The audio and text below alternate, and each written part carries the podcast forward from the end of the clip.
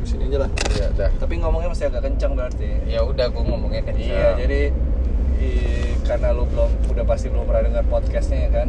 Belum lah. Episodenya udah banyak banget padahal ya lu nggak pernah cerita juga podcast lu. Dua episode. Selamat ya, ya Allah banyak banget. Soalnya gue gak punya podcast, jadi menurut gue itu lebih banyak daripada punya gue. iya. Ada tapi dua. kan mungkin lu akan membuat suatu hari. Oh, Tapi iya. kayaknya lu nggak akan oke akan. kita sudah menghabiskan waktu Iya. untuk eh, berbicara tentang podcast, podcast ini. ya. Iya. Jadi sebenarnya ini podcast intinya adalah kenapa lu melakukan apa yang lu lakukan. Oke, Iya. Jadi saya sedang bersama Muhammad Rizka Khalifah. eh, biasa dipanggil Aska. Asik. 27 tahun. 27 tahun, Iya. sayangnya sudah menikah. Iya. Jadi mohon maaf. Iya. Gue lupa jalannya bentar pikir dulu. Iya. iya. Eh. Ya nggak apa-apa kalau salah juga muter. Salah Ya harusnya ke kiri tahu. Iya. Ya sudah, jadi kita barusan kelewatan ya. Di depan. Kita harus sebaiknya kiri apa kanan ya? Nah, sejujurnya gue nggak tahu kalau Bentar, ini udah pikir dulu ya. kanan. Kanan. Nah gimana Iya. gimana? Jadi kita sedang bersama Aska. Oh, Eh, beliau ini adalah seorang dokter. kebetulan. Iya, dan merupakan dokter. putra kebanggaan Pekanbaru. Riau. Alhamdulillah. Jadi pertanyaan pertama saya sangat mudah sekali. Heeh. Kenapa Anda mau jadi dokter? Eh, sejujurnya Setelah setelah uang. eh, eh, enggak sih ya berat ya katanya pertanyaannya mudah Mudah loh. enggak enggak enggak enggak Kalau enggak. misalnya Anda tidak tahu kenapa Anda menjadi dokter, kenapa diterusin? Kan jadi dokter susah. enggak sebenarnya alasannya klasik sih gitu Selain kan Maksud- uang. Enggak juga.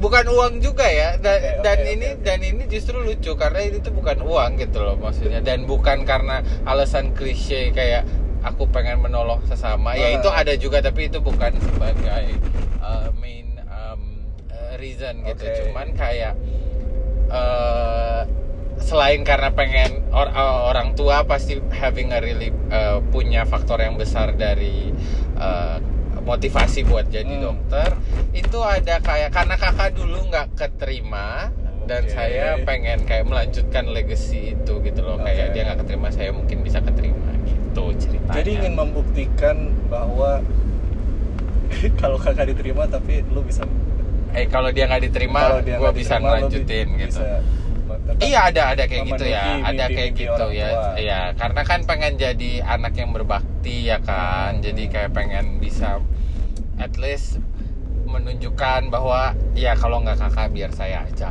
gitu. Awalnya dari situ, tapi ternyata ya dunia kedokteran itu ya memang intinya ya gimana cara kita eh, bersikap baik kepada orang lain sih karena pada dasarnya ini kan kerjaan amal gitu bukan Oke. kerjaan ngarep untung Oke. Dan setelah jadi dokter tercapai nggak tuh?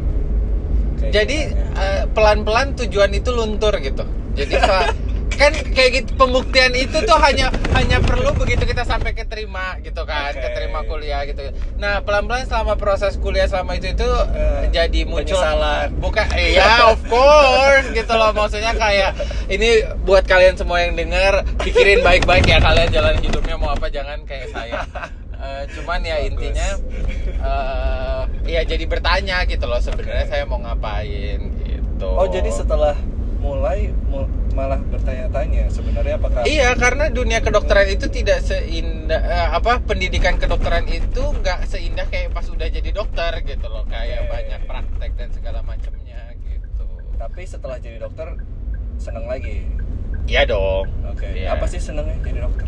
Eh, senengnya jadi dokter adalah tentu karena tidak perlu eh, praktek-praktek eh, kayak dulu pas zaman kuliah kan Oh. banyak hal yang harus dikejar harus dipelajari ya tentu pas udah jadi dokter tetap harus belajar ya gitu cuman Karena kan kita- pelajaran kan eh belajar kan tugas umur iya, hidup tugas kan. umur hidup kalau pas jadi dokter gitu. Iya, Nah, cuman iya, saat iya. udah jadi dokter itu kan eh, kita udah bisa ngasih eh, obat, kita udah bisa ngasih edukasi, udah bisa ngasih solusi gitu. Ah. Sementara pada saat jadi mahasiswa kan secara legalitas kan belum kompeten untuk itu gitu. Itu sih salah satu faktor utama yang bikin eh, seneng begitu udah jadi dokter gitu.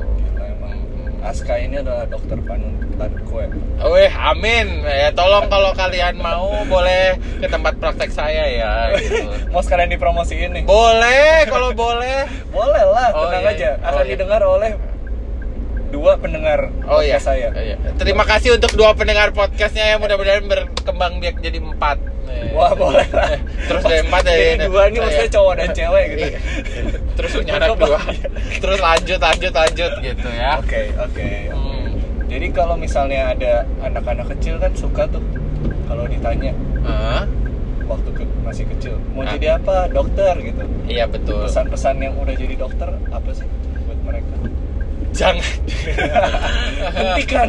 Hentikan. jadi pilot ya? Iya, lebih baik jadi pengusaha kayaknya kalau sekarang. Oh. Tapi eh, ini apa eh, startup eh, maker Oh, ya? kali ya. Iya, iya. Karena kan sekarang lihat tuh unicorn unicorn di Indonesia gitu kan itu kan semua startup kan Oh. gitu kan. Yang saya juga nggak tahu sih ya, tapi kalau menurut eh, gua dokter itu tuh harus jadi panggilan jiwa gitu loh. Oke. Jadi kayak nggak bisa cuman sekedar ah gue jadi dokter ah gitu nggak bisa karena akan banyak momen kamu mempertanyakan di hidupmu kenapa gue jadi dokter ya Tapi sebenarnya dokter cukup nggak sih di Indonesia?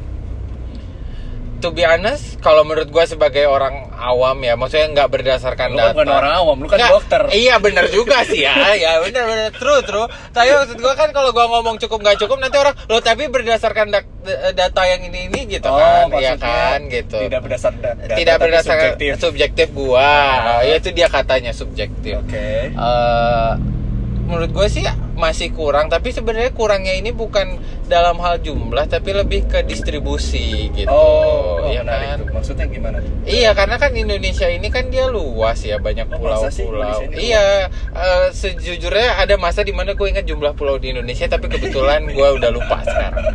Gitu kan. Oke. Kayaknya emang nggak ada yang tahu kok pulau Iya. jumlah pulau di Indonesia. Iya, tapi- iya betul sih. Nah, terus Buat kalian yang tahu ya udah simpan aja. bisa tulis di komen. Iya, jangan lupa subscribe. Oh beda ya, beda. Jangan lupa follow Instagram oh nanti aja. Oh, nanti aja. Boleh, boleh, boleh, boleh. Nah, jadi gimana tadi distribusi? Nah distribusinya itu sebenarnya kalau menurut gua eh ya karena kan udah tahu juga ceritanya adalah satu eh, di daerah-daerah ada tempat yang kekurangan dokter, ada tempat yang istilahnya tidak terjangkau oleh dokter, jadi dokternya jauh entah di mana, eh, terpisah jarak oleh eh, si pasiennya kayak Iya. gitu. Jadi sehingga ya harus didelegasikan tugasnya, makanya ah, ada pekerjaan eh, pekerja-pekerja lain yang dia mem- memegang peran hampir mirip seperti dokter gitu.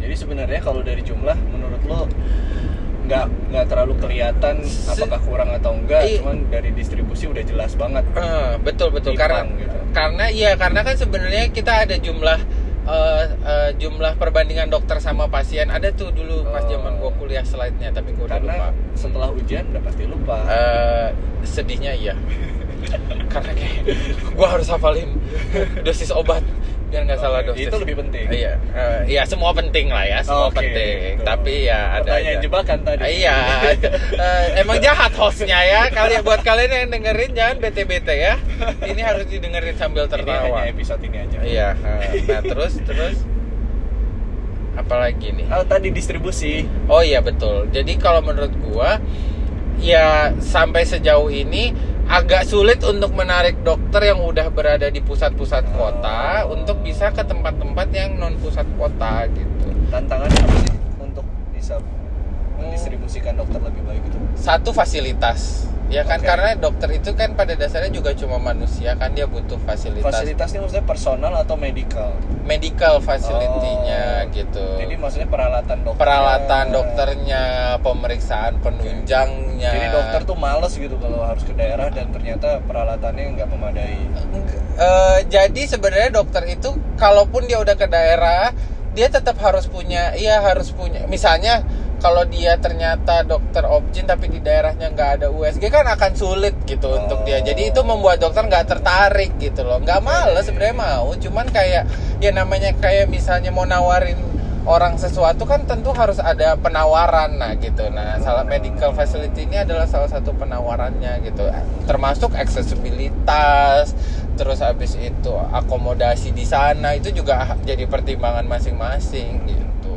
Kan ada program ngirim dokter tuh supaya Ah, ah. sebelum boleh praktek sendiri Betul. efektif kan Eh, secara personal kalau menurut saya eh, itu program itu sih bisa jadi kalau dibilang efektif atau enggak kan itu kesannya kayak kalau nggak efektif berarti eh, tutup aja programnya kayak Hmm. gitu kan sebenarnya enggak ya karena itu tuh akhirnya ngasih pengalaman ke dokter-dokter kan Oke. S- eh, cuman yang eh, menyedihkan adalah begitu itu jadi kewajiban jadi diwajibkan Hmm. untuk seperti itu gitu nah jadi itu sebenarnya ada orang-orang yang memang panggilan hatinya tuh dia pengen kayak gitu nah nggak eh, banyak mungkin ya nggak banyak gitu nah cuman ada orang-orang yang kayak sama sekali meresist menolak untuk melakukan hal seperti itu. Nah jadinya kalau orang-orang yang udah bulat kayak gini eh, dikasih program kayak gitu tuh jadinya kalau yang nolak-nolak banget kalau yang nerima akhirnya nggak ya udah dia stay di situ gitu. Tapi Jadi kalau- bagus dong kalau ada yang Iya, jadi kalau menurut saya program ini sih sangat berperan gitu, walaupun semua orang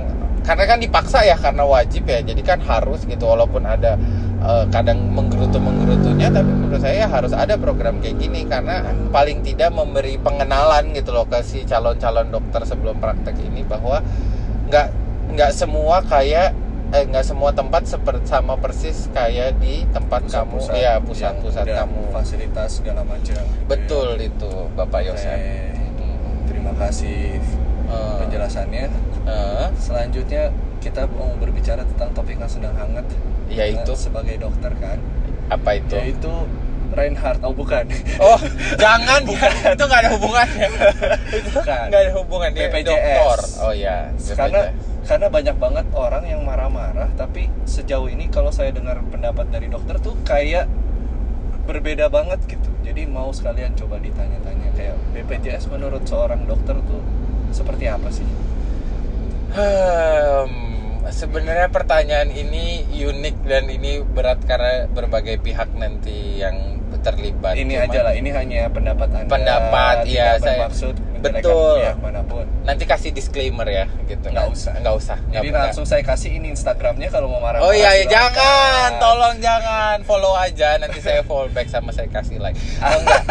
Intinya sih kalau menurut saya BPJS itu sebenarnya satu hal udah sangat bagus karena kan dia universal coverage ya atau dia eh, mengayomi secara keseluruhan. jadi itu sebenarnya penting dalam negara ya. penting dalam negara harus ada hal seperti itu karena kan itu jadi kewajiban dan tanggung jawab negara Ini lurus juga terus ya? kan ya kanan.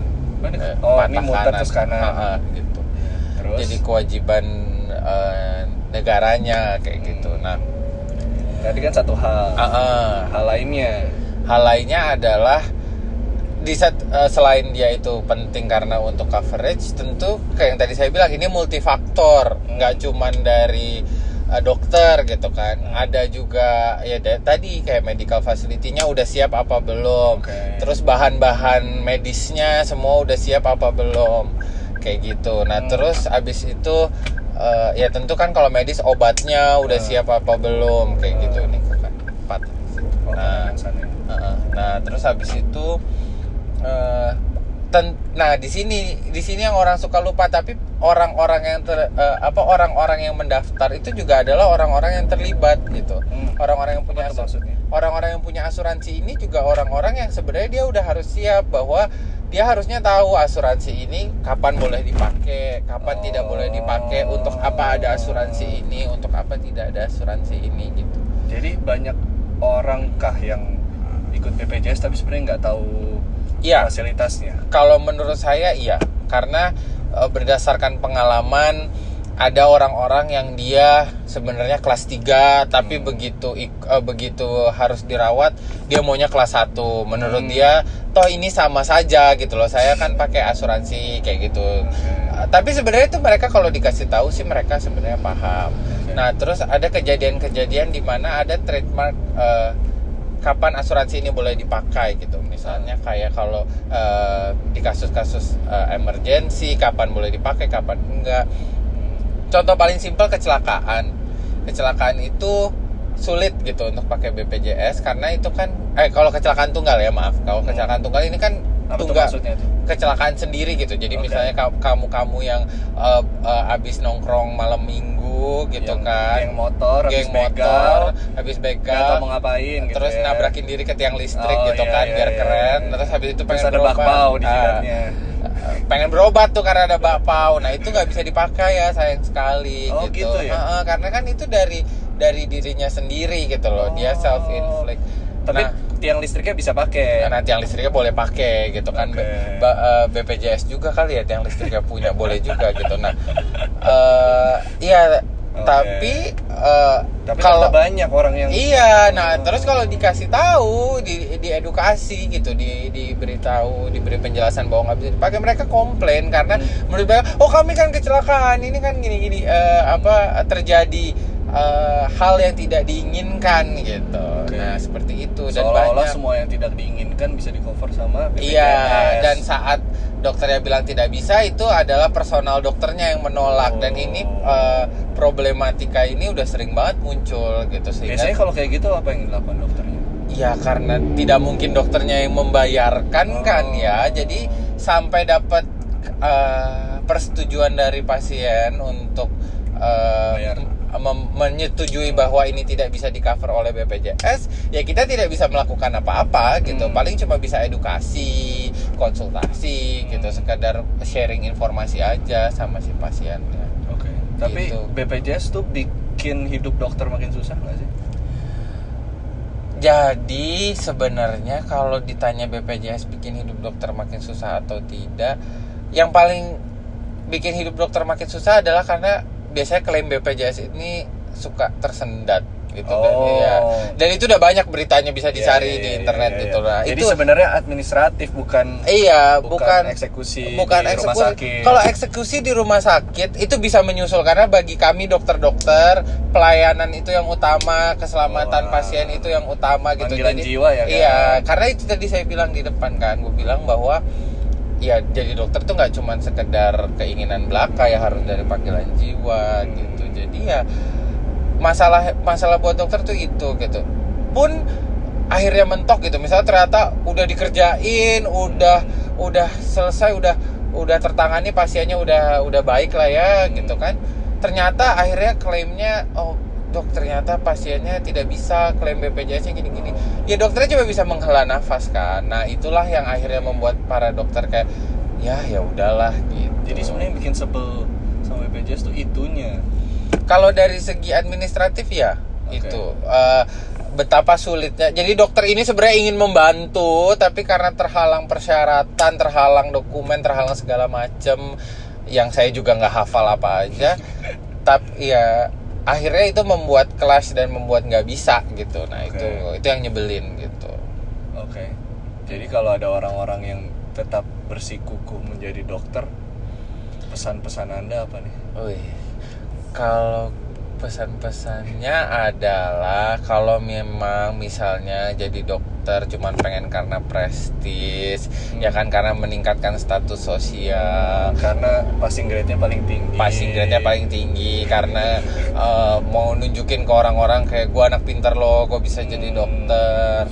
Mending jangan karena Mending startup aja ya. mending startup, mending eh, di usia nanti usia 40 jadi menteri gitu. Ups, ups, ups, maaf, maaf, maaf, maaf. Eh, Eh, kenapa itu kan kita lagi nggak ngomong Oh iya betul jelek-jelek, betul. Iya kan? betul betul. Jadi jadi jadi Siapa tahu emang bapak menteri itu dulu pengennya jadi dokter kan? mungkin juga ya. Iya. Tapi saya yang pengen jadi menteri sekarang. Oh, amin. amin. Amin. Doain ya kalian semua. Kayaknya men- pengennya jadi menteri udah pasti perikanan kan? Enggak, kelautan gua rasa. Eh, sama oke, aja. tadi gimana pesannya? Nah, jadi pesan-pesannya adalah jadi dokter itu panggilan jiwa. Jadi kalau cuman sekedar keinginan dangkal belaka seperti kayak mau nunjukin ke orang-orang bahwa gue bisa kayak gitu Hmm. ya dipikir dua kali. Oke. Terus pikirin matang-matang alasan buat kenapa mau jadi dokter. Hmm. Jangan sampai hilang arah begitu udah nyemplung terus kayak ngerasa ngerasa eh, saya berada di jalan yang salah dan Hmm. jangan pernah sekalipun buat teman-teman semua yang mau daftar atau sudah berada di eh, perjalanan untuk menjadi seorang dokter mungkin nggak cuma jadi sekedar eh, nggak cuma jadi dokter aja ya mau jadi apa pun Hmm. jangan pernah sekalipun ngebandingin eh, jalan hidup kita sama orang lain gitu Eh, karena kalau misalnya jadi dokter itu lama makan waktu. Hmm. Terus kalau misalnya ngarepin Iya, Anda sekolah berapa lama? saya sekolah dari Sejauh 2000 ini ya? sejauh ini dari 2009 masuk, lulusnya 2015. Oke, 6 tahun, enam guys. tahun. Nah, gitu jadi dokternya 6 tahun. Habis itu ba- wajib Anak ya. udah dapat 6 tuh. Eh, Yes, tiap tahun bikin satu ya. Mending kalau tiap tahun, tiap 9 bulan bikin satu. Bayar sekolahnya yang pusing. sekolah yang pusing. Termasuk menjadi dokter bayar sekolahnya pusing juga kan? Betul, jelas banget. Jadi di saat teman-teman semua yang lain yang nggak jadi dokter udah pada punya penghasilan, kita masih Iya. sekolah ya guys. Semangat buat teman-teman dokter di luar sana karena kita tahu itu nggak mudah.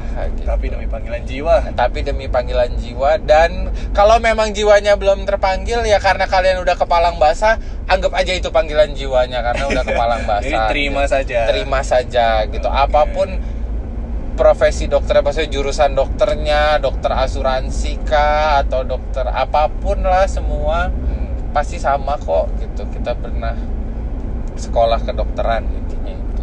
Oke. Terakhir, Iya, siap. ini kanan atau kiri bukan itu sih yang terakhir cuma. Iya. Kanan Ini kiri? ke kanan aja. Kanan aja, Eh, oke. Lampunya merah tapi ya, jadi berhenti dulu. Oh merah ya. Iya. Kalau merah itu tandanya berhenti ya Iya. Kalau hijau tandanya jalan. Nah, Siap. tadi sudah bagus sekali pesan-pesan dari dokter panutan kue. Oh, yes. Sekarang boleh mempromosikan Instagram dan Ah, Allah. Eh, apa lagi tadi yang mau dipromosikan? Promosikan. oh, eh, nih rumah sakit. rumah eh, klinik klinik. klinik klinik. Jadi kalau Instagram buat kalian semua yang mau follow Udah itu- jadi follower ke berapa juta gitu tapi Eh, apa-apa. Alhamdulillah follower berapa juta. Amin. Amin. Kalau kalian yang mau jadi follower, eh, boleh follow saya di @res-res-reska. Susah ya. Jadi ini saya Itu saya- resnya tiga kali Iya, ya? jadi resnya tiga kali. Jadi R E Z R E Z R E Z Q A. Eh, cari aja di Instagram atau cari nama saya aja di Instagram Reska Hmm. Khalifa. Gitu. atau kayak bisa lah pakai hashtag hashtag hashtag dokter seksi gitu Ah, ya. jangan. itu padahal Itu saya yang nggak ada muncul yang lain ya. gua nggak ada seksi-seksinya, Oh, tiba-tiba hashtag, hashtag dokter seksi. Wih, Hashtagnya yang mantap. lain ya, dokter tampan. Wih. Apa dulu panggilannya? Eh, apa tuh dulu ya? Dulu masa lalu biarlah menjadi masa Oh, lalu kan oke. lagunya kayak gitu. Oke, terus kliniknya mau dipromosikan? Oh ya, kebetulan sekarang eh, gua praktek di Senayan di Kaikokai Klinik Senayan di Oke. gedung Sentral Senayan eh, satu di ground dan mezzanine floor. Jadi buat Oke. kalian-kalian yang mau datang datang aja langsung ya. Iya. Baiklah. Terima kasih sangat. Hmm. Ini berhubung saya juga pinjem HP-nya, jadi tolong bisa dimatikan ya Bapak. Oh iya iya, ya. terima kasih podcastnya. ya. Ini Iya. jangan berharap banyak yang denger, nggak banyak. Enggak lah, ini kan yang penting eh, ada yang mendengar gitu kan, karena yang namanya Ya paling nggak kan gue dengar, lu dengar walaupun cuma setengah gitu. Iya kan. betul sekali. Iya. Oke, sampai jumpa lagi. Siap, dadah terima kasih podcastnya Sep apa namanya Posep Enggak. Enggak, podcast buat apa? Podcast buat apa? Iya. Bagus banget gila namanya kreatif. Oke, bye semuanya. Dadah. Terima kasih.